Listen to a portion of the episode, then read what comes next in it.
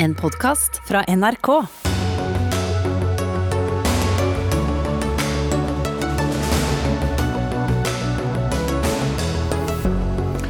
Matvaregiganten Coop beskyldes for PR-triks etter at de annonserte at de skulle hatt pristak på 200 av sine mange tusen varer.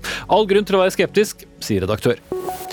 Byrådet i Bergen er på vei inn i et avgjørende år før valget. Det blir toppduell mellom sittende og utfordrende byrådsleder. Ny våpensplid i SV. Krefter vil stanse den norske våpeneksporten, som partiet har sagt det er for. Og 32 år etter at Jens Stoltenberg ledet det forrige, får Norge nå et nytt mannsutvalg, der nesten halvparten er kvinner. Ja, riktig god fredagskveld. Dette er Dagsnytt 18 med Espen Aas, der vi også svinser innom universitetsforelesninger som ikke lenger skal filmes, og en atomvåpenstrid mellom Arbeiderpartiet og Arbeiderpartiet junior. Smågodt, matfløte, frokostegg og ketsjup. Hva har disse produktene til felles? Jo, det er noen av de 200 produktene som dagligvaregiganten Coop annonserte at de skulle sette et pristak på i disse tider med høy inflasjon. Dermed skal eh, disse varene holde dagens nivå, eller bli lavere før året er omme. Og målet er ifølge kjeden selv å opprettholde nordmenns kjøpekraft. Eh, men denne dugnaden, Torbjørn Røe samfunnsredaktør i E24, er du skeptisk til i, på egen ja, altså jeg, jeg, er ikke skeptisk til at butikker konkurrerer og prøver å tiltrekke seg kunder og justere prisene sine for det. Så det er vel to ting som er min oppgave her. Det ene er å si at nå var det jeg som brukte ordet dugnad, men når, når dette fremstilles i saken som om dette er noe som gjorde veldig vondt, men Coop må nok gjøre noe for det er tøff situasjon og sånn, så tror nok ikke jeg at det er så viktig som at Coop driver butikk og skal tjene penger. Og Det er en helt ærlig sak. Vi trenger folk som driver butikk og tjener penger. Det andre er at, uh, i, at jeg er opptatt av som, som, kommentator i E24 også å kanskje skrape litt i overflaten og vise fram at dagligvaremarkedet er et tøft marked. Uh, det at forskjellige kjeder har type priskutt på noen av varene sine, det ser vi ganske ofte. Eller at de kanskje i dette tilfellet kanskje ikke øker prisene så mye som de kunne på noen varer. Men på litt lengre sikt så er det verdt for folk å hvert fall tenke over da, at det er ofte kanskje 50, 100, 200 av 3000, 4000, 5000 varer. Og de pengene kan du ofte hente inn igjen andre steder på sikt. Mm. Så du ble ikke så imponert? Nei, altså jeg, jeg, jeg, sier vel først og fremst at dette er, at det er et svar på inflasjon og tøffe tider nå. Den, den tror jeg ikke så mye på. Eh, og så er det vanlig at det er en litt skjerpa priskonkurranse på høsten. Og så har Coop fått litt ekstra god PR rundt det den gangen her. Mm, ja, Kommunikasjonsdirektør i, Coop, Bjørn Takle Friis. Eh, ja, alle matvarer har jo nettopp blitt uh, satt opp, så om dere lover å holde prisen på, på 200 av de mange mange tusen varene dere har i butikkene deres, hvor mye hjelp er i det, utover den omtalen dere fikk bl.a. i VG, som først meldte om dette? Ja, Det er viktig å påpeke at det er 200 eh, av de mest solgte varene. Eh, og mange, Vi har mange varer i sortimentet vårt, men dette er blant de mest solgte varene. Og så er det godt at vi fikk avklart at det ikke er vi som har kalt det en dugnad. Det er for å skape forutsigbarhet for kundene, sånn at de vet at prisene ikke går opp på de mest eh, solgte hverdagsvarene. i hvert fall. Da. Men realiteten er at i juli så var det et prishopp på veldig mange varer i, i alle butikkene. Så at dere etter det prishoppet lover å holde prisene der, er kanskje ikke så rart? Det kan du spørre om, men eh, det er ikke, jo, det. Ja, og det er ikke sånn at eh, prisene blir, bare blir satt opp i januar eller bare februar og, og, juli, som det sto i saken. Men eh, det er sånn at prisene går opp og ned hele året. Og så er det helt riktig at prisene tradisjonelt sett går ned utover høsten, men vi har grunn til å tro at det ikke nødvendigvis skjer i år, da, med de eh, økningene vi ser med på strøm og Så drivstoff. Så hvor mye hjelp er for uh, Kari og alle nordmann uh, da, med disse 200? Vi tror at det er stor hjelp og viktig med den forutsigbarheten som det gir oss. For det, for det, første så er min sak helt presis. Eh, min kommentar hos E24 helt presis på at det er prisen fra leverandør som forhandles i juli og februar i normalsituasjoner. Og så er jo hele poenget her nettopp at kjedene sitter jo hele tiden og ser på hverandre. De har jo prisspeidere ute, og så sitter de og så sender de folk inn i den butikken for å sjekke hvor mye det er, og så kan de sette ned og opp alt ettersom. Men det som er viktig for meg, det er at, det er at folk, folk, også er klar over at det er, det er noe bak her. ikke sant? Og de fleste mistenker jo litt det når det er De skjønner jo at hvis juleribba er ekstra billig, så betyr ikke det at alt er blitt billigere. Eh, og en av de tingene jeg skriver om, er jo bl.a. at eh, uten at jeg vet akkurat akkurat hva Coop gjør nå, men at et vanlig ting som mange kjeder har gjort i alle år, som er helt vanlig praksis, det er at når de mest populære varegruppene blir billigere for å lokke deg og meg inn i butikken, så må de enten på kort sikt, i hvert fall på lang sikt, hente inn det ofte på varegrupper hvor vi ikke er så opptatt av pris. Og Det kan være f.eks. at eh, sjampoen da enten får en litt høyere prisøkning enn eh, noe annet, for at kjøttdeigen f.eks. Eh, skal bli billigere. Mm. En kilde fortalte meg at dere har omtrent 5000 forskjellige varer i en ekstrabutikk. Så hva vet vi om at ikke prisen går opp på de 4800 andre varene, når dere lover å holde prisen liggende på de 200? Av konkurransemessige hensyn kan ikke vi jo si om prisene går opp eller ned. Det kommer de til å gjøre. Prisene kan godt også gå ned eh, på de andre varene. Men vi kommer ikke til å kryssubsidiere de varene vi setter ned prisen på nå. Mm. Og så det er en, det er en vesensforskjell i forhold til de kampanjene som man normalt sett beskriver eh, altså vanlige priskutt. og Det er at det er langsiktige kampanjer der man samarbeider med leverandørene. Så får man gode priser, og så har man eh, gitte kampanjer i Eh, på tider som er planlagt lang tid i forkant. Dette er ikke et sånt tilfelle. Her tar vi all risikoen sjøl. Vi har ikke med leverandørene. Tar, altså tar hvor, hvor mye taper K på dette? Det må dere regne på. Det kommer an på hvor mye prisene vil øke med utover. Men uh, det koster oss uh, mye å holde på sånn som vi gjør nå. Og Vi har som sagt ikke tatt ut alle prisøkningene fra leverandør ennå. Ja, bare, for å, bare, for å, si det, så, så, er det jo først og fremst sånn at man må tjene disse pengene på sikt. Så noen ganger så kan man jo da tjene på Eh, å kanskje gå i tap på noen varer eller noe sånt på kort sikt, så lenge du tjener på det på sikt. Og så er det verdt å si at dette er ikke sånn at Coop skiller seg fra de andre kjedene i Norge. Eh, både det at du har kutt, men du har det bare på 50 eller 100 eller 200 produkter eller noe sånt, mens du ikke vet helt hva som skjer med de andre prisene. Veldig vanlig. Det at man forsøker å da ramme inn det for eksempel, tenkt eksempel sånn vi kutter nå prisen på fisk fordi at vi er først og fremst opptatt av folkehelsen. Også veldig vanlig å høre, og dette hører man den type resonnementer fra andre kjeder i Norgesgruppen f.eks., som er den desidert største aktøren i Norge. Så mitt poeng er bare at når, når man da trykker litt ekstra kraftig til, som jeg vel syns Coop gjorde i eh, den saken som ble referert til, og later som om dette er noe som man gjør liksom av hensyn til fedrelandet og folks kjøpekraft, så mener jeg man underslår at man først og fremst driver butikk.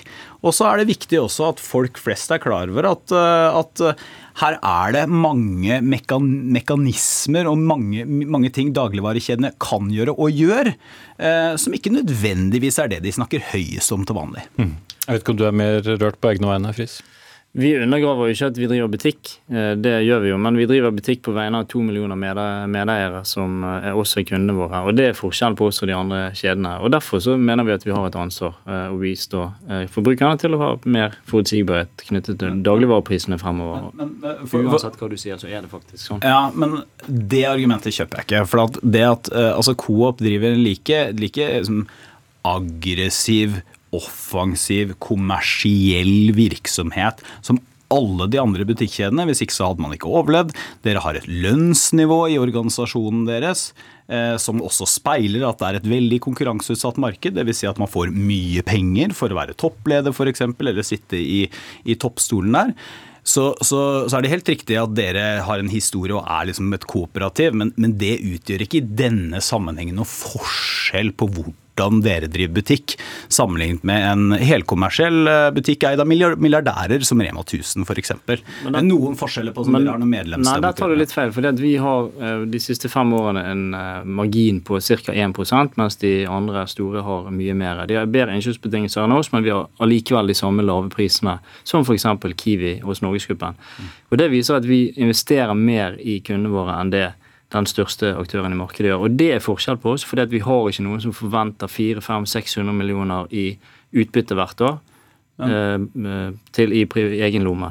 Da kan vi kanskje si i hvert fall en ting vi er enige om, eh, siden jeg mistenker at vi går mot slutten. Og det er at en av utfordringene i norsk dagligvarebransje er også at det er forskjellig innkjøpsprise, altså dvs. Si leverandørene. Eh, som Evig har tilbakevendende tema i Dagsnytt 18, ja. Da har ikke nødvendigvis de samme betingelsene for alle. og Det er et omdiskutert tema som, jeg, som vi burde diskutere enda mer. Ja, og det skal vi helt sikkert. Så får vi se hva vi sitter igjen med etter å ha handlet utover høsten, om vi alle har til salt i såret. Torbjørn Røe Isaksen, samfunnsredaktør i E24 og kommunikasjonsdirektør i Coop. Eh, Bjørn Takle Friis, og vi skal snakke mer om dagligvare litt senere i sendingen, for nordmenn har begynt å handle mindre.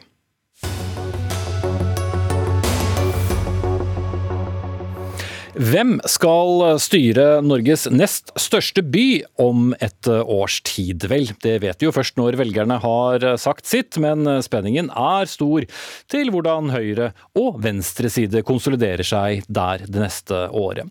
I går ble byrådet i Bergen satt sammen på nytt, etter at Kristelig Folkeparti trakk i nødbremsen og forlot samarbeidet de har hatt med Arbeiderpartiet, MDG og Venstre.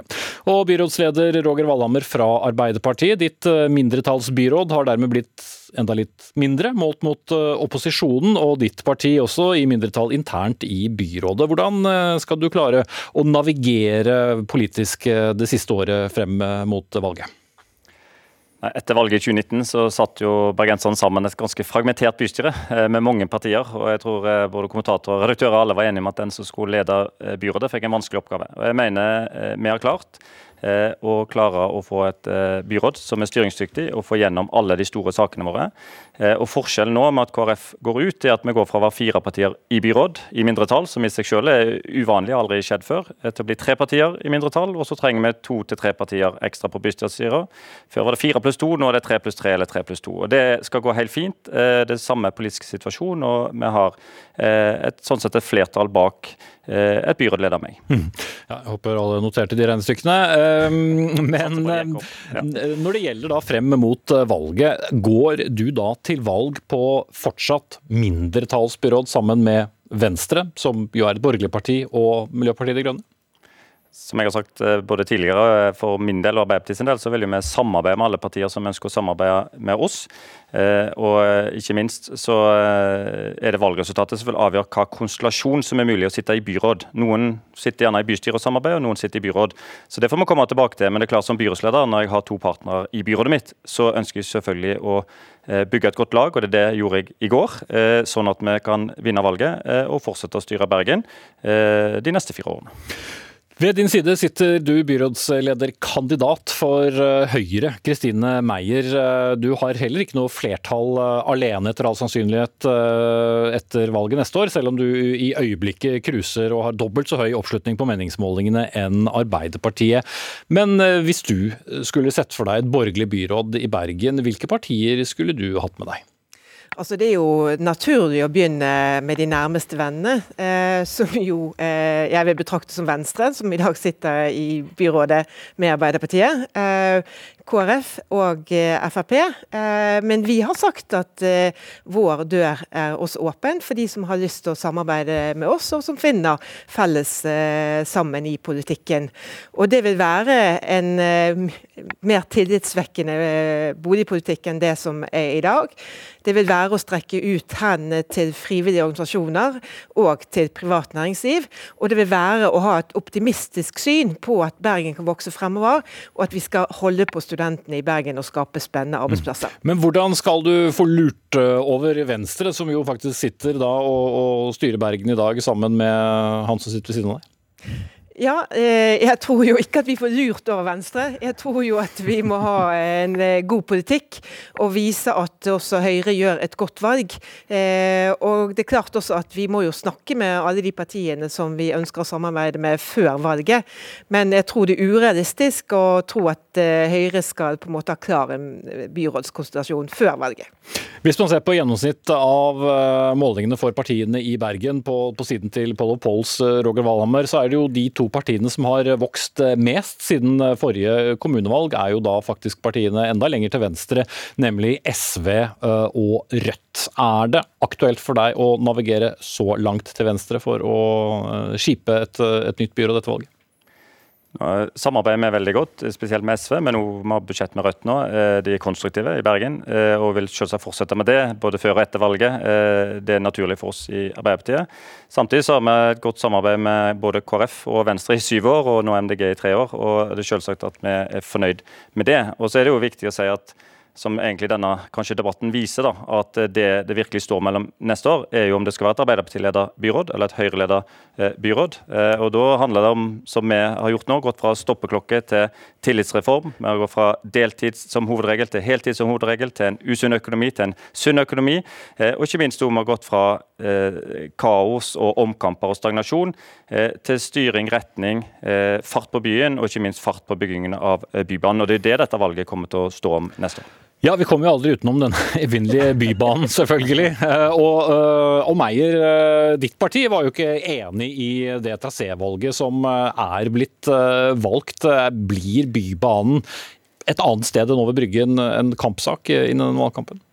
Altså, det er jo veldig, veldig, kjent at eh, Bergen er en bråkete og fantastisk by å bo i og styre. Eh, men det vi har sagt er jo at på godt bergens vi beliter oss i forhold til traseen. Det betyr at vi innser at eh, det er best å la utvikling i byen gå først. Og vi tror at alle nå trenger å få fokusert på andre saker som er viktige i Bergen. Og her må vi rett og slett finne sammen med byrådet som sitter nå. Og og eh, legge denne saken eh, død, og eh, velge de beste løsningene for Bergen fremover. For det må jo også si at for de store sakene i Bergen, så må vi faktisk finne sammen på tvers av også høyre- og venstresiden. Mm. Så det du akkurat sa nå var at kampen om bybanetraseen, den er egentlig ferdig? Ja, det eh, ser sånn ut eh, i dag, og det tror jeg også er viktig for innbyggerne i Bergen. Eh, det er veldig mange byggeprosjekter som nå har stoppet opp, og jeg tror vi, det er helt nødt til å bli en avklaring, sånn at vi kan komme oss videre. Og at dette ikke også blir den eneste saken som blir aktuell i valgkampen som kommer. Så nå må dere rett og slett konkurrere om de andre politiske sakene, Roger Walhammer? Ja, Det er gledelig å høre det som Kristine Meyer sier nå. Det er nye toner fra, eh, fra Høyre. det. Samtidig så var tidligere statsminister Erna Solberg i intervju med Kristine Meyer og Marit Wanke ganske nylig eh, sa at eh, vi bør vurdere å utsette Bybanen. De har foreslått å kutte masse stopp bare de siste ukene. sånn at det, er en del avklaringer jeg fortsatt forventer fra Høyre. Men det er iallfall ingen tvil om at hvis jeg er byrådsleder etter valget, så er mantraet veldig enkelt, og det er bare bygg den banen, og bygg den nå. Det som er sikkert, er at uh, uansett uh, hvem av dere som skulle bli byrådsleder uh, fra 2023, så er det også med um, diverse partier bak dere. Jeg skal takke dere av begge to, og så skal dere gi plass til en kommentator fra, fra Bergens Tidende. Roger Valhammer, byrådsleder i Bergen fra Arbeiderpartiet, og Kristine Meyer, som er Bergen Høyres kandidat. Eh, vi er eh, jo alltid glad i politikk her i Dagsnytt 18, så vi gjør oss ikke med bergenspolitikken helt. Eh, politisk kommentator Gerd Kjellflot, det har jo vært en del partnerbytter for Arbeiderpartiet gjennom de siste årene. Så hvor godt gift er egentlig Valhammer med både MDG og Venstre, som de i dag sitter sammen med?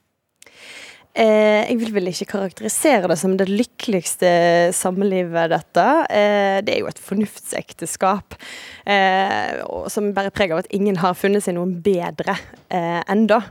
Eh, men så holdt det nå framover, og akkurat nå er jo Venstre på en bedre plass enn MDG, da. Ja, for de har uh, fått et uh, mer fremtredende valg, uh, unnskyld, en, mer fremtredende politisk posisjon enn en tidligere, som handler om, om næringsbyråd. Om byutvikling. Ja, byutvikling, som, unnskyld. Som, ja. som da gjør at de blir viktigere i, i byrådet enn de var før denne omrokeringen. Absolutt. Eh, til å være et parti som bare fikk 3,8 eh, i forrige valg, så har de nå to byråder og ansvar for et av de eh, viktigste områdene, byutvikling, og kanskje mest omstridte områdene. Eh, ja. Mm. Og, og, som du skriver da i egen avis i dag, så låser det eh, på et vis eh, Venstre litt mer inn i dette samarbeidet. Er det da mindre sjanse for at også Venstre skulle finne på å bryte ut av koalisjonen før det er valget? Jeg tror ikke de kommer til å gjøre det. De har fått denne veldig viktige posisjonen og en, en fantastisk mulighet til å synes fram mot neste års eh, valg. Eh, så sånn sett var det veldig lurt. Og så mener jeg også at Arbeiderpartiet har gjort noe taktisk lurt eh, ved at de har satt nettopp et parti som Høyre så gjerne ønsker å eh, lokke over til sin side, eh, og, og, har gitt de ansvaret for dette som, som eh, der det er mange kontroversielle saker, og der Høyre prøver å skåre mange poenger og gå løs på, på byrådet. Eh, det blir mye vanskeligere når det da blir styrt av et parti de egentlig har lyst til å holde seg inne med. Mm. Og med mindre man har eh, tilbrakt tid i et annet eh, solsystem de siste årene, så vet jo alle at Høyre-lederen jo også er fra Bergen. Hvor symboltung blir da Bergen også nasjonalt når vi går inn i denne valgkampen? For det ble jo en fjær i hatten for Arbeiderpartiet at de vant Bergen for noen valg siden. Absolutt. Eh, Høyre liker jo å si at Bergen er en borgerlig by, og, og, men nå har den da ikke vært der på åtte år snart. Så de ønsker jo absolutt å ta tilbake, ta tilbake makta her. Og så er jo, Vi vet jo at storbyene er viktig både for Arbeiderpartiet og Høyre, eh, sånn at eh, dette blir eh, en hard kamp her. Mm. Mm. Og sjokkerende nok for oss i Dagsnytt som uh, har uh, kost oss mye med saker rundt uh, Bybanen i Bergen. Det høres ut på Kristine Meier som om man er ferdig diskutert, nesten? Ja, det er nok en veldig viktig sak å få ut av verden, nettopp fordi hun ønsker å knytte til seg eh, en del partier som er uenig med, med, Høyre i denne saken. Så en er nødt til å få den saken ut av verden før, eh, før neste valg. Det blir veldig viktig for faktisk Høyre, eh, fordi de har for få venner. De er jo de som gjør det best på målingene her for tida, eh, men de har for få politiske venner, og uten det så, så får de ikke noe flertall. Da får vi se om det blir nye fornuftsekteskap i Bergen når vi har kommet oss gjennom den lange valgkampen som står for tur både i Bergen og resten av landet. Takk skal du ha, politisk kommentator i Bergens Tidende, Gerd Kjellflot. Og hvis noen er bekymret for at vi allerede er ferdig med Bergen, så kan jeg fortelle at vi skal tilbake til Bergen mot slutten av sendingen.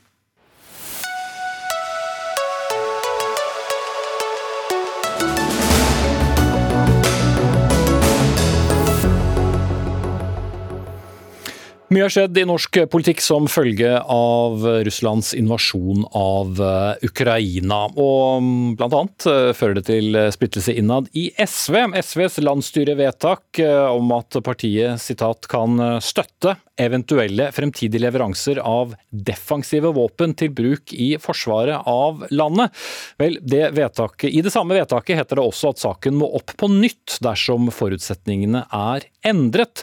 Og i dagens utgave av Klassekampen kan vi lese at nå mener flere i SV at eh, forutsetningene er endret. Og en av dem som mener det er deg, Heming Olaussen. Du sitter i landsstyret til eh, SV og regnes av mange som en eh, partiveteran. Hva er det som har endret seg? Nei, dette er jo en eh, glidende utvikling eh, hele tida. Eh, jeg har ikke sagt at vi har passert en grense nå. Men, men jeg leser jo at f.eks. Norges forsvarsattaché til Ukraina mener at Nato og Norge bør nå sende soldater. Andre har sagt at grensa må gå ved at vi sender krigsfly. Og det viser at dette er en glidebane fra at vi sendte humanitær hjelp og økonomisk hjelp og, og, og, enklere midler, til at vi nå sender tungt skyts. Og hvor skal dette stoppe, egentlig? Hvor er den grensa for hva som kan kalles defensive våpen? Det etterlyser en diskusjon og en avklaring om. Og de to eksemplene jeg nevnte, regner jeg med er eksempler på ting som SV aldri vil kunne støtte. Mm.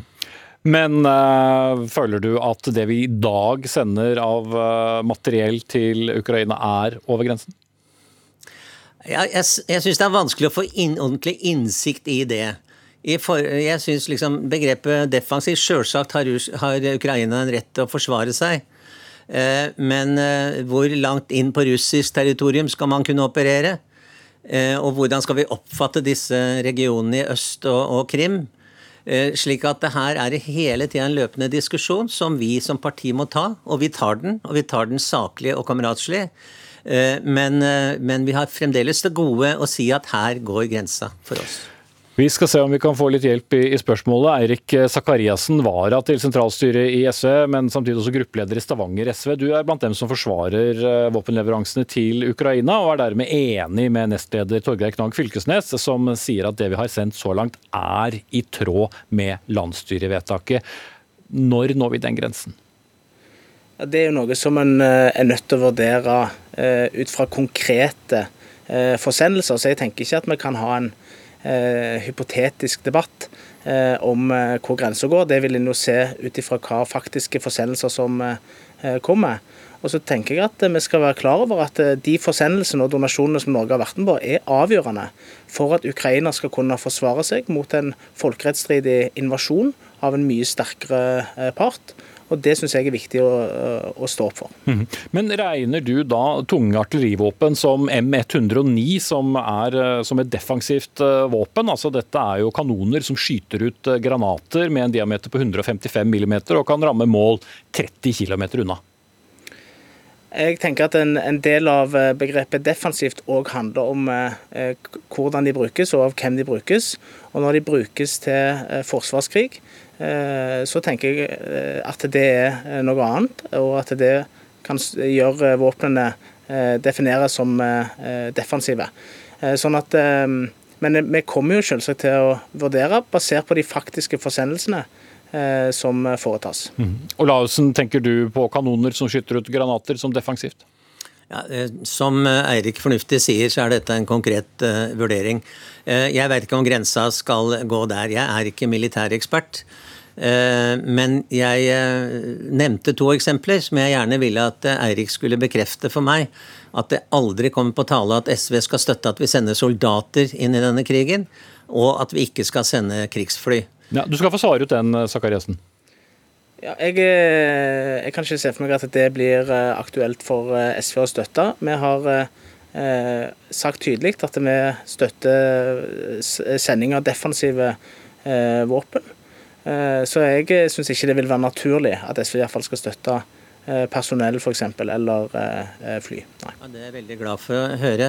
Da, og det introduserer på en måte dilemmaene. Fordi at Sånn som jeg oppfatter det, da, og jeg, igjen, jeg tar forbehold om kunnskapen her, så skal Norge nå gå inn i et samarbeid med Storbritannia. Og En del av det samarbeidet skal visstnok handle om droner. Kjøp av droner, muligens fra Tyrkia. Hvis dette er overvåkingsdroner, så ja vel. Men hvis disse skal utstyres med raketter, hva er da forskjellen på en sånn drone og et, og et jagerfly? Så ikke sant? Dilemmaene kommer opp hele tida. Det må vurderes konkret, som Eirik sier. Og men, det men, men får vi gjøre på landsstyremøtet. Et annet uh, dilemma Hemming og Lausen, er jo hvordan skal Ukraina vinne en krig dersom vi sender færre våpen? Ja, konseptet 'vinne en krig', det er et interessant spørsmål. Skal uh, vi tenke at denne krigen skal Ukraina vinne? Skal vi tenke at denne krigen skal Russland vinne? Eller skal vi tenke at her må det forhandlinger til? Jeg for min del ble i hvert fall litt oppmuntra av at man var mulig å finne fram til denne kornavtalen, som gjorde at millioner av mennesker nå får uh, brød på bordet ved at FN gikk inn så sterkt og tydelig og klarte å få regissert en sånn avtale. Mm. Jeg Russland håper at det veldig... også vil kunne skje i forhold til krigføringa. Mm. Men Russland er jo veldig til stede i Ukraina, ikke minst eh, i øst, og har vært det i, ja, selvfølgelig eh, på Krim, men også tungt til stede nå i øst. Er du tilfreds med en løsning der russerne forblir i, i Ukraina? Nei, det, jeg, jeg, er ikke tilfreds med, med, noen ting jeg, som innebærer brudd på noen folkerett. Altså. Men eh, jeg mener uansett at det må komme en forhandlingsløsning på et eller annet tidspunkt, og forhåpentligvis før. fordi jo lengre tid det tar, jo lengre tid denne krigen drar ut, jo større menneskelige lidelser, jo flere blir drept, jo flere blir lemlesta. Også av norske våpen. Og jeg mener altså at eh, jeg håper at Guterres og FN kan sette seg i førersetet og bringe disse partene sammen, at man kan klare å få til forhandlinger. Sakariasen. Ja, For meg er det jo viktig å si at ukrainerne har en helt legitim rett til å forsvare seg. og Konsekvensen av at uh, Russland skulle vinne fram, vil være dramatiske. Ikke bare for Ukraina, men òg for andre uh, land. Uh, hvor en kan tenke seg at Russland kan finne på å bruke militærmakt. Og så synes jeg vi skal huske at når president Zelenskyj talte til Stortinget, Eh, så var han tydelig på at de våpenleveransene som Norge bidrar med, de trengs og de er veldig verdsatt. Eh, og det er et klart flertall i SVs landsstyre som har kommet fram til eh, at en støtter disse forsendelsene. Og så forstår jeg òg at dette ikke er lette eh, vurderinger. Og vi har hatt en respektfull debatt hvor vi har uenighet. Men dette er en linje som det er bredt flertall bak. Jeg vil stille samme spørsmål til deg også. da, Sakariassen. Hjelper vi ukrainerne dersom vi sender færre våpen? Nei, det syns jeg ikke. Jeg mener at når, når vi anerkjenner at Ukraina har en legitim rett til å forsvare seg, så må vi òg bidra med eh, våpen som de kan forsvare seg med. Eh, og Det er ikke noen enkel utvei å si at det å sende våpen eh, automatisk fører til fred. Det er en stor fare for at det fører til at Russland vinner fram. Og Det er noe som jeg virkelig ikke ønsker, som jeg heller ikke oppfatter noen andre ønsker. Men det kan bli konsekvensen hvis man ikke har tilstrekkelig med våpen for å forsvare seg mot en så sterk part som Russland er. Mm. Dronene skal etter det vi får beskjed om være til overvåkning, bare for å ha nevnt det. Takk til Heming Olaussen, medlem i sentralstyret i SV, og Eirik Sakariassen, var i sentralstyret i SV og gruppeleder i Stavanger eh, SV. Og litt senere i Dagsnytt 18, regjeringen lovte å øke innsatsen for eh, kjernefysisk nedrustning, men trakk seg fra et FN-innlegg om nettopp atomvåpen. Det er et linjeskifte, sier AUF, som er skuffet over moderpartiet. Debatt senere.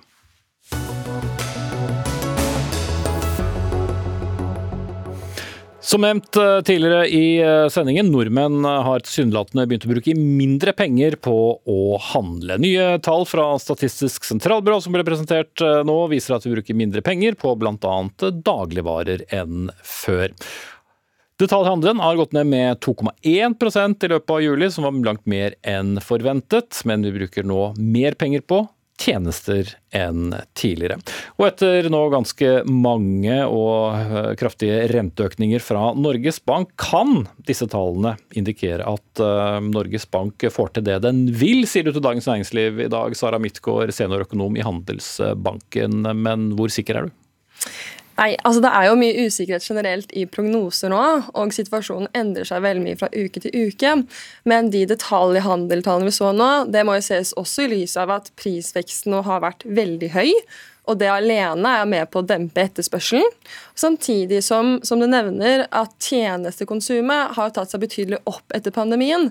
Men så må vi jo huske at under pandemien satt vi mye hjemme, og vi handla på nettet, og detaljhandelen var veldig høy. Og så vi handla mye eh, varer. Så det er ikke noe rart egentlig at varehandelen nå begynner å gå mer ned. og Det var det som vi også ventet, og Norges Bank ventet.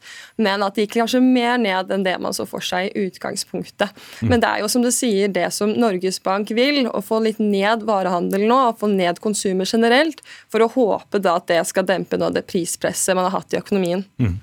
Eh, nå høres jo ikke ut som mye når det er en forskjell på forventningen og, og faktiske tall på et prosentpoeng, kanskje. Men eh, det er likevel såpass at mange økonomer eh, så på, på dette i dag og, og, tenker at uh, noe er i ferd med å skje. Men betyr det at uh, varslene fra Norges Bank om, om rentehevinger fremover vil bli vesentlig endret? Nei, jeg tror nok deres plan om å nå ha ganske bratt renteoppgang i front, den holder seg fortsatt. Og det Norges Bank er mest opptatt av, det er jo inflasjonen. Og at man skal se tydelig nedgang i dette inflasjonspresset som vi har nå. Men de svake detaljhandeltallene kan jo være en indikasjon på at ok, nå biter både inflasjonen og etter hvert også man ser at eh, lånekostnadene øker med økt rente, og at man ser at det påvirker da konsumet i større grad enn det man kanskje først ventet. Og Hvis man ser i utlandet, da, både i euroområdet, som nå ventes å være i resesjon, også i USA. Altså økonomisk tilbakegang gjennom en, flere perioder? Ja. ja, en økonomisk tilbakegang. Eh, så er jo det også med på å liksom, få opp arbeidsledigheten og dempe konsumet, og da på syvende og sist også inflasjonen. Men det er jo fortsatt stor usikkerhet i utviklingen fortsatt. Men bare for å oppsummere det, da, så det er, akkurat nå er det godt nytt at norsk økonomi ikke går så godt? Faktisk, det. det. høres jo veldig rart ut, men eh, sentralbankene har jo, og Ida von Bakke har jo vært veldig tydelige på det å få ned inflasjonen. Det har en stor, det har en kostnad. Og den kostnaden den er jo i form av at vi får dårligere kjøpekraft, vi får ikke handlet like mye i år som det vi gjorde i fjor. Og arbeidsledigheten kommer da kanskje til å øke, og verdiskapningen blir litt svakere. Og dette her er jo da konsekvenser av rentehevinger som er nødvendige for å få ned inflasjonen til da 2% Men kan det ikke også være en fortelling her at eh, folk nå enten er veldig skremt, eller faktisk betaler ganske mye penger på strøm, mm. som jo også er en form for inflasjon som det ser ut til å være litt vanskeligere å få bukt med, selv om eh, folk eh, forsøker å bruke mindre av den. Ja, men det er nettopp det, for strøm er jo på en måte en slags nødvendighetsfare. Du kan ikke plutselig skru av strømmen og ha det veldig kaldt hjemme hos deg. Du må bruke noen penger på strøm, og da er det naturlig at du må bruke mindre penger på andre ting, som f.eks. varer, og at det også fører til at konsumet går mer ned. Men en ting som er veldig verdt å nevne, det er jo hvis man ser på disse konsumtillit-tallene, altså det er sånn tall som baserer seg på spørreundersøkelser, de er svært negative. Så husholdningene i Norge sin egen oppfattelse da, om sin egen kjøpekraft er svært, svært dårlig. Og faktisk mye dårligere enn hvis man ser på totalkonsumet, hvis man inkluderer også tjenestekonsumet. Så faktisk er det stort gap der, men disse indikatorene kan jo si at det kan faktisk hende konsumet går mye mer ned fremover mot høsten nå enn det som kanskje også er ventet av Norges Bank. Mm. Så Hvis jeg forsøker meg på en liten sånn uh, enkel journalistoversettelse av det du nå sa, så betyr det egentlig at folks tro på egen økonomi er dårligere uh, enn det den er når de faktisk bruker penger. Faktisk akkurat det er det der. Mm. Takk skal du ha, Sara Midtgaard, seniorøkonom i Handelsbanken.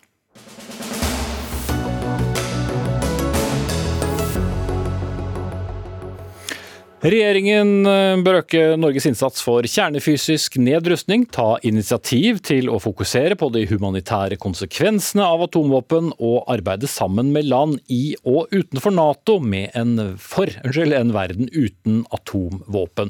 Ja, slik eh, står det skrevet i den eh, stadig omtalte Hurdalsplattformen, også regjeringsplattformen til Støre-regjeringen. Likevel, denne uken trakk regjeringen Norge fra et FN-innlegg som vi sluttet oss til for sju år siden, mot bruk av atomvåpen. Og det var Aftenposten som omtalte dette første gang, og dette har opprørt flere organisasjoner, politiske partier, også dere i AUF, hvor du er sentralstyremedlem, Håkon Einarsve. Hvorfor var det så ille at man trakk støtte til et innlegg? Ja, nå er det jo faktisk over 130 land som har gjort akkurat det Arbeiderpartiet og Senterpartiet skriver i Hurdalsplattformen at vi ønsker å gjøre. Man har kommet med en uttalelse om de humanitære konsekvensene av atomvåpen, hvor Norge har valgt å trakke seg, hvor det er en formulering som sier at det er helt avgjørende for menneskehetens overlevelse at atomvåpen aldri brukes igjen. Dette er formuleringer som den, både Solberg-regjeringa og Arbeiderpartiet tidligere har støtta, som støttes opp av vårt partiprogram, som vi nå går imot. Det er et linjeskifte i norsk atomvåpenpolitikk. Mm. Og Vi mener at det er viktig at Norge klarer å ha en rolle i nedrustningsarbeidet. Og det vil vi ikke ha hvis vi ikke kan si at atomvåpen aldri skal brukes. Ja, Dette er altså et annet innlegg enn forslag om å forby atomvåpen, som vi har diskutert gjentatte ganger her i Dagsnytt 18, bare for å presisere det. Men Eivind Wad eh, Petterson, eh, statssekretær i Utenriksdepartementet fra eh, Arbeiderpartiet. Hvorfor kunne ikke Norge lenger være enig i dette innlegget? Du, Forklaringen er ganske enkel.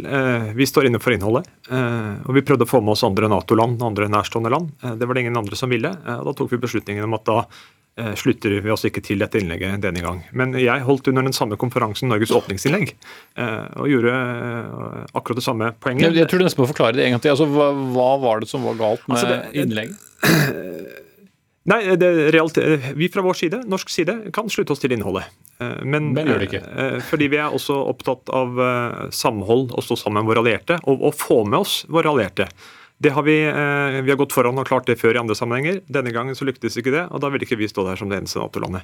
Men dette var det altså et innlegg som beholdt eh, på FNs atomvåpenkonferanse, en underkomité på denne konferansen. Jeg holdt Norges hovedinnlegg eh, for hele konferansen, og gjorde det veldig klart at all bruk av atomvåpen ville ha katastrofale konsekvenser for menneskeliv og helse og natur, og derfor må unngås. Mm. Men, det er regjeringens politikk. Men hva gagner det Norge å ikke undertegne? For å kunne få eh, framskritt og framgang, så må vi få med oss land. Men det er mange andre land som syns dette var helt greit? Alle landene eh, verken har atomvåpen eller er alle, i allianse med land som har atomvåpen. Mm. Så hvordan svarer du kritikken fra AUF? Eh, kritikken fra AF svarer at vi står fullt og helt inne for eh, ambisjonene våre i regjeringsplattformen. Jeg har sittet i dette studio og forsvart meg mot kritikk fra Høyre for at vi tok nye initiativer eh, og deltok på statspartsmøtet til de som ønsker å forby atomvåpen. Eh, Da fikk vi med oss flere andre Nato-land. Vi eh, gikk foran. Fikk med oss Tyskland, Nederland, Belgia, Sverige og Finland var med.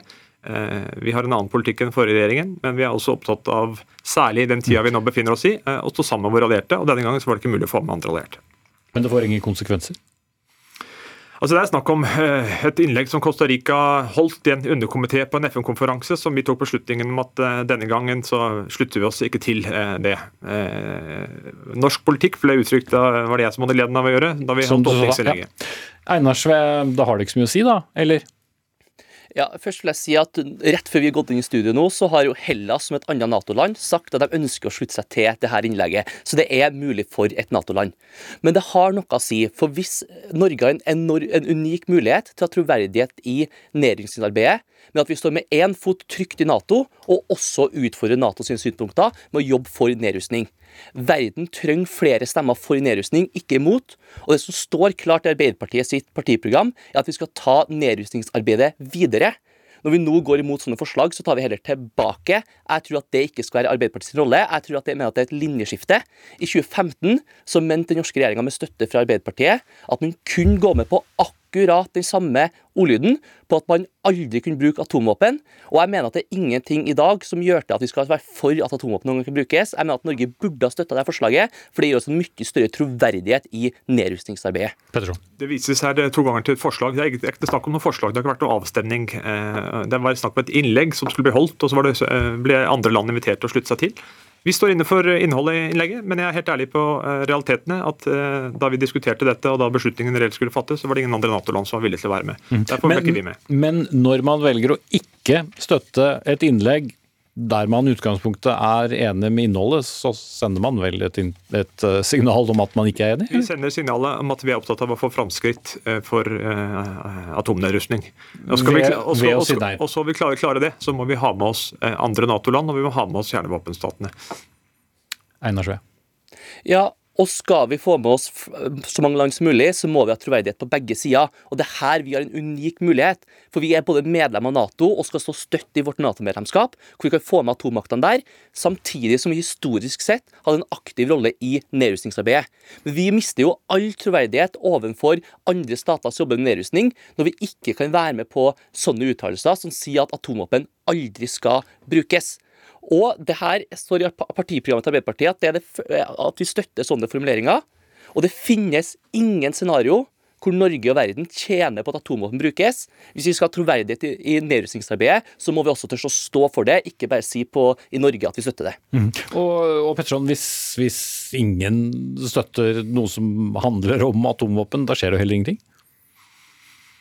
Nei, for realiteten i verden i dag dessverre er at pillene pilene peker feil vei. Eh, Europa midt oppe i en krig. Russland har eh, omtalt sine atomvåpen på en veldig uansvarlig måte. Det er en spent situasjon i, vår- region nå. Men eh, å få reell bevegelse og framgang for nedrustning er eh, egentlig bare viktigere.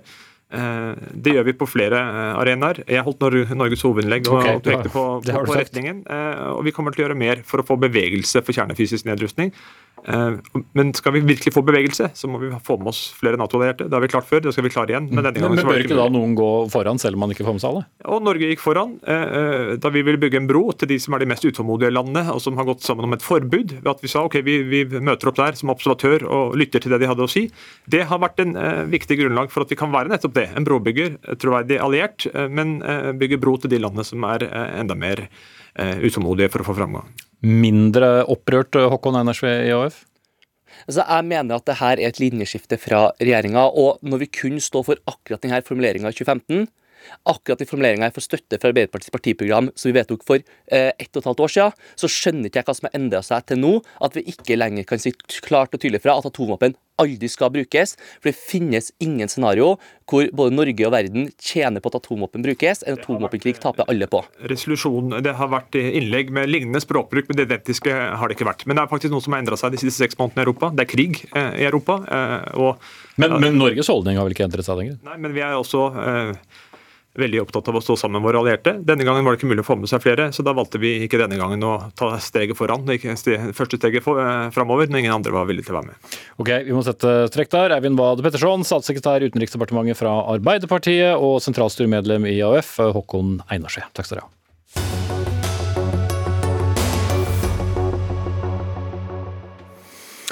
Ja, Det er over eh, 30 år siden det forrige, men eh, nå har vi altså fått et nytt mannsutvalg. Et utvalg som skal se på utfordringene som gutter og menn møter i samfunnet. Nettopp fordi de er gutter og menn, som kultur- og likestillingsminister Anette Trettebergstuen sa tidligere i dag. Det nye utvalget består av 17 medlemmer som skal jobbe frem mot våren 2024 med konkrete tiltak for å sikre likestilling for menn. Og Gry Haugsbakken, statssekretær i eh, samme departement fra Arbeiderpartiet. Hvorfor trenger Norge et eh, mannsutvalg i 2022?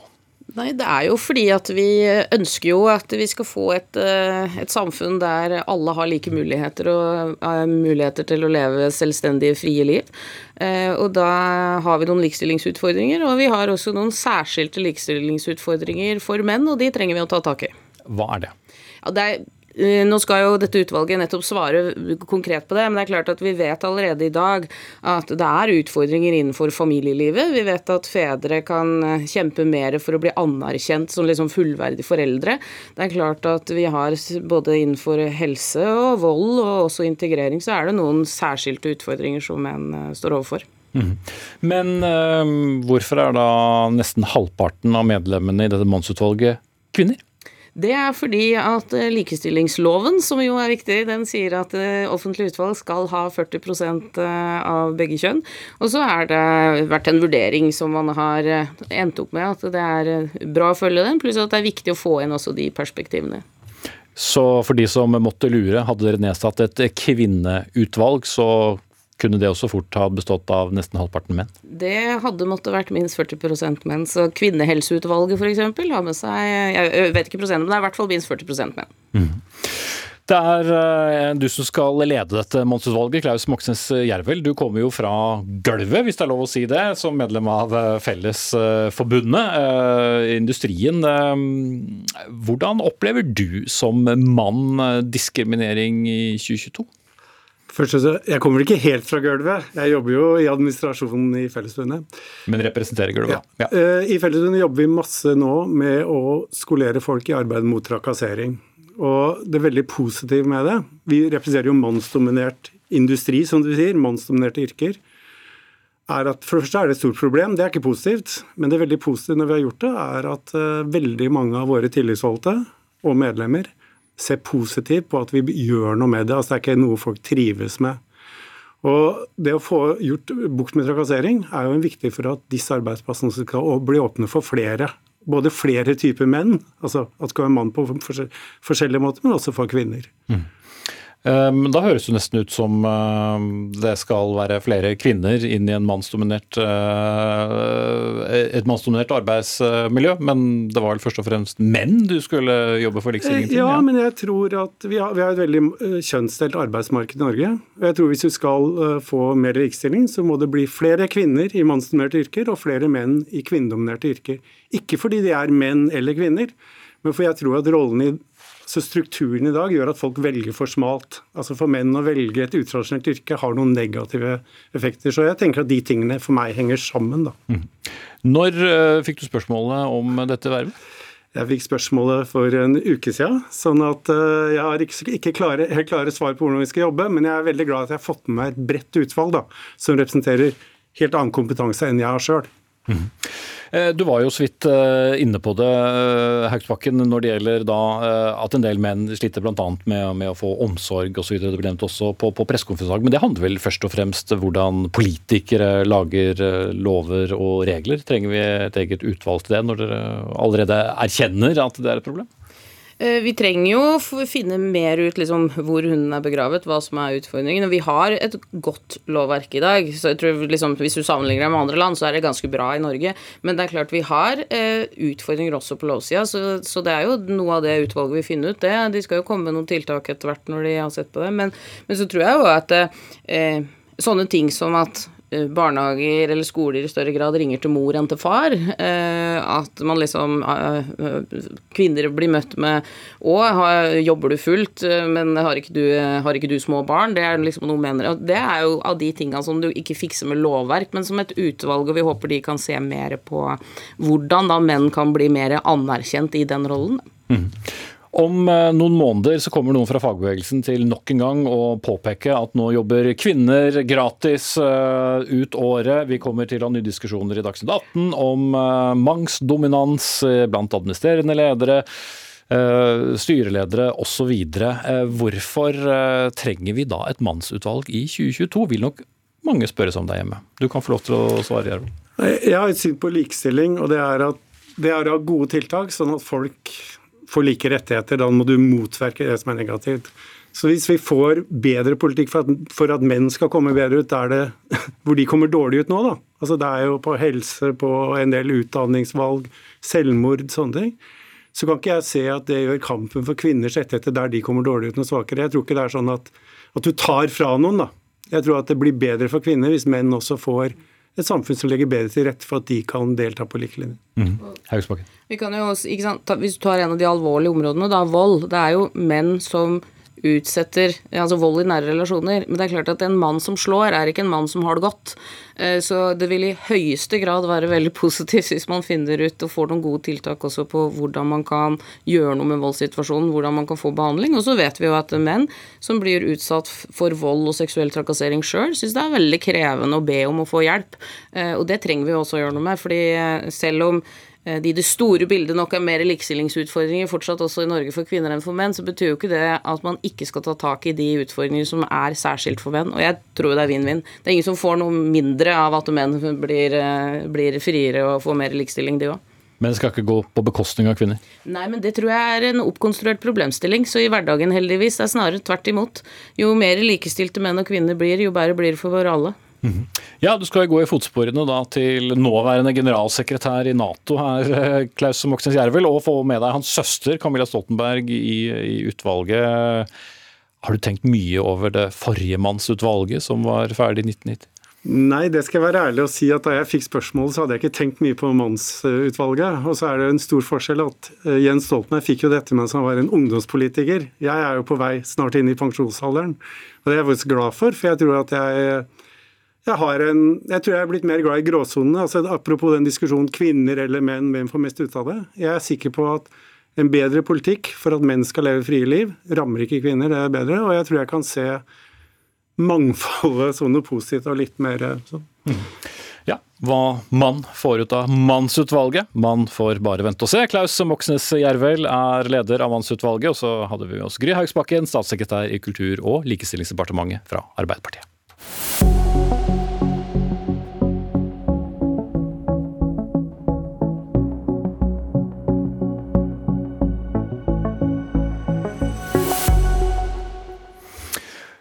Vi må jo nesten tilbake til Bergen, som annonsert. Mange studenter har eh, rundt omkring i landet, eh, bare for å ha presisert det, har reagert kraftig på at flere universiteter og høyskoler ikke lenger vil gjøre videoopptak av forelesningene.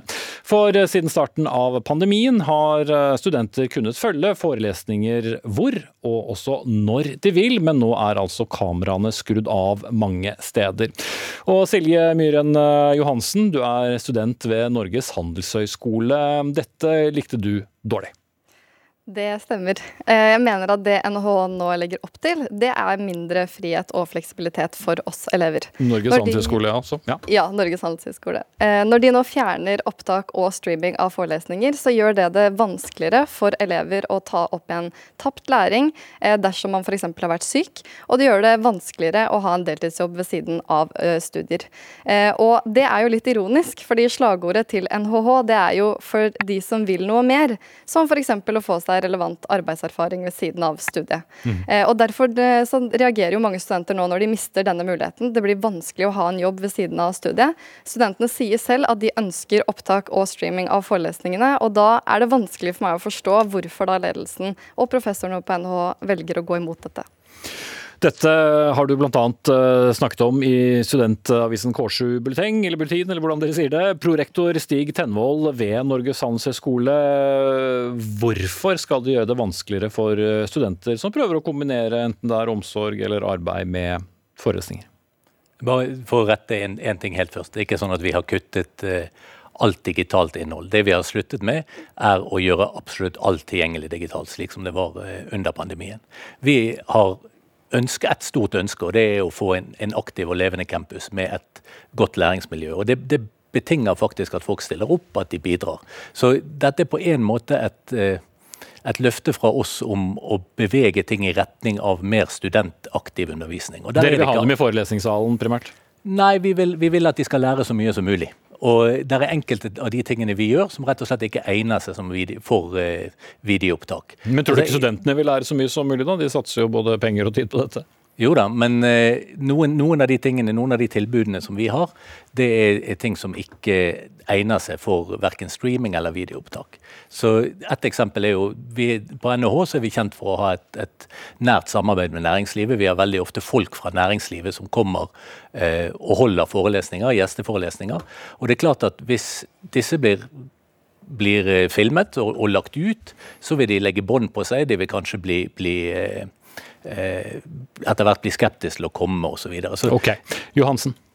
Ja, Det er ikke sånn at studentene på NHO ønsker alt uh, filmet, men man ønsker et reelt digitalt alternativ til forelesninger, ordinære forelesninger, de gangene man ikke har uh, muligheten til å delta på disse. Og De grunnene kan være mange, og de kan være gode. Det kan være foreldre som uh, trenger å passe barna i studietiden, det kan være at man er syk, man må være i en begravelse. Det finnes altså mange gode grunner, og NHH-studentene, handelshøyskolestudentene, er et utrolig dyktige studenter. De er ambisiøse, de er opptatt av å lære. Og når de da sier og forteller at læringsutbyttet deres øker når de får muligheten til å se på opptak, så bør det være et signal. For det er viktig å legge til at opptakene eh, av forelesninger de er ikke bare et reelt alternativ til de ordinære forelesningene, men for mange så er de også et viktig eh, et læringsmoment. F.eks. jeg som sliter litt med programmering, eh, som har hatt stor nytte av å kunne se en forelesning to, tre, fire ganger for å forstå hva er det de egentlig mente. Og den muligheten mister nå studentene på Handelshøyskolen skolen, men også ved mange andre institusjoner. Ja, det fungerte vel greit under pandemien, Tennhold, så hvorfor Nei. reparere det hvis ikke det er ødelagt? Det er, deler som fungerte bra under pandemien. og Det er klart at det å tilegne seg kunnskapen, det å lære seg å programmere, eh, det, det, kan man gjøre delvis enveis.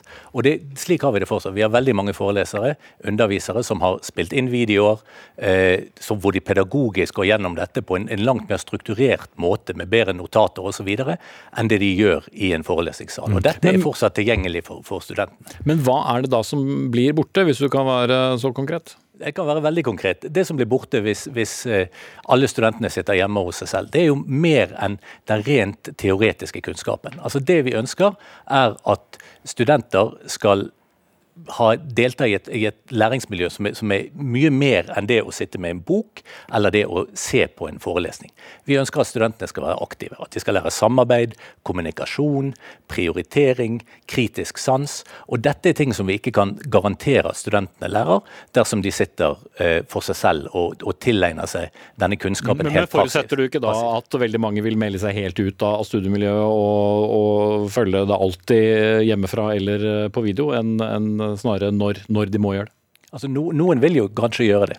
Eh, men som sagt, vi har veldig mye tilgjengelig fortsatt. Og jeg mener at kvaliteten på det vi har tilgjengelig, er bedre enn en, eh, enn det det var før pandemien. Mm. Og så er det et eller annet med at, at vi, vi, henger oss opp i disse forelesningene, som er liksom type to ganger 45 minutter.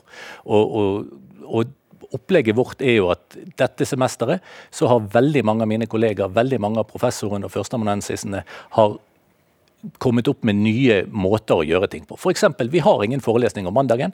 Da ser studentene en video, så møtes vi torsdag, og så diskuterer vi dette. Og Det, det er en, en, læringsmåte som jeg har mye mer tro på. Aktiv Aktiv læring fremfor passiv. Ja, nå må vi slippe til studentene igjen. Har det vært tålelig den første uken på studiet, Johansen?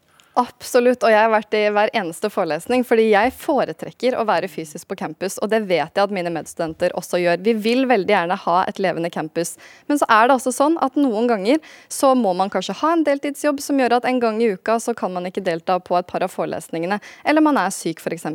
Og da mener jeg det er eh, kjedelig at eh, de studentene som da er syke en periode, ikke får muligheten til å ta opp igjen den læringen som disse opptakene ga muligheten for.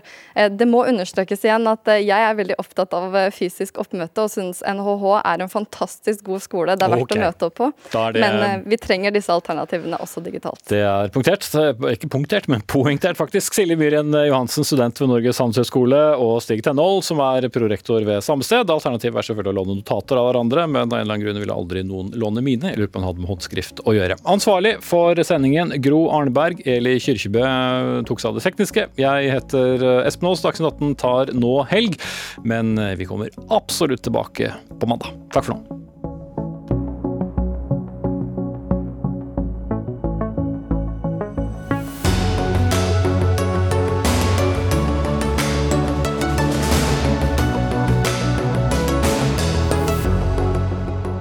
Du har hørt en podkast fra NRK. Hør flere podkaster og din NRK-kanal i appen NRK Radio.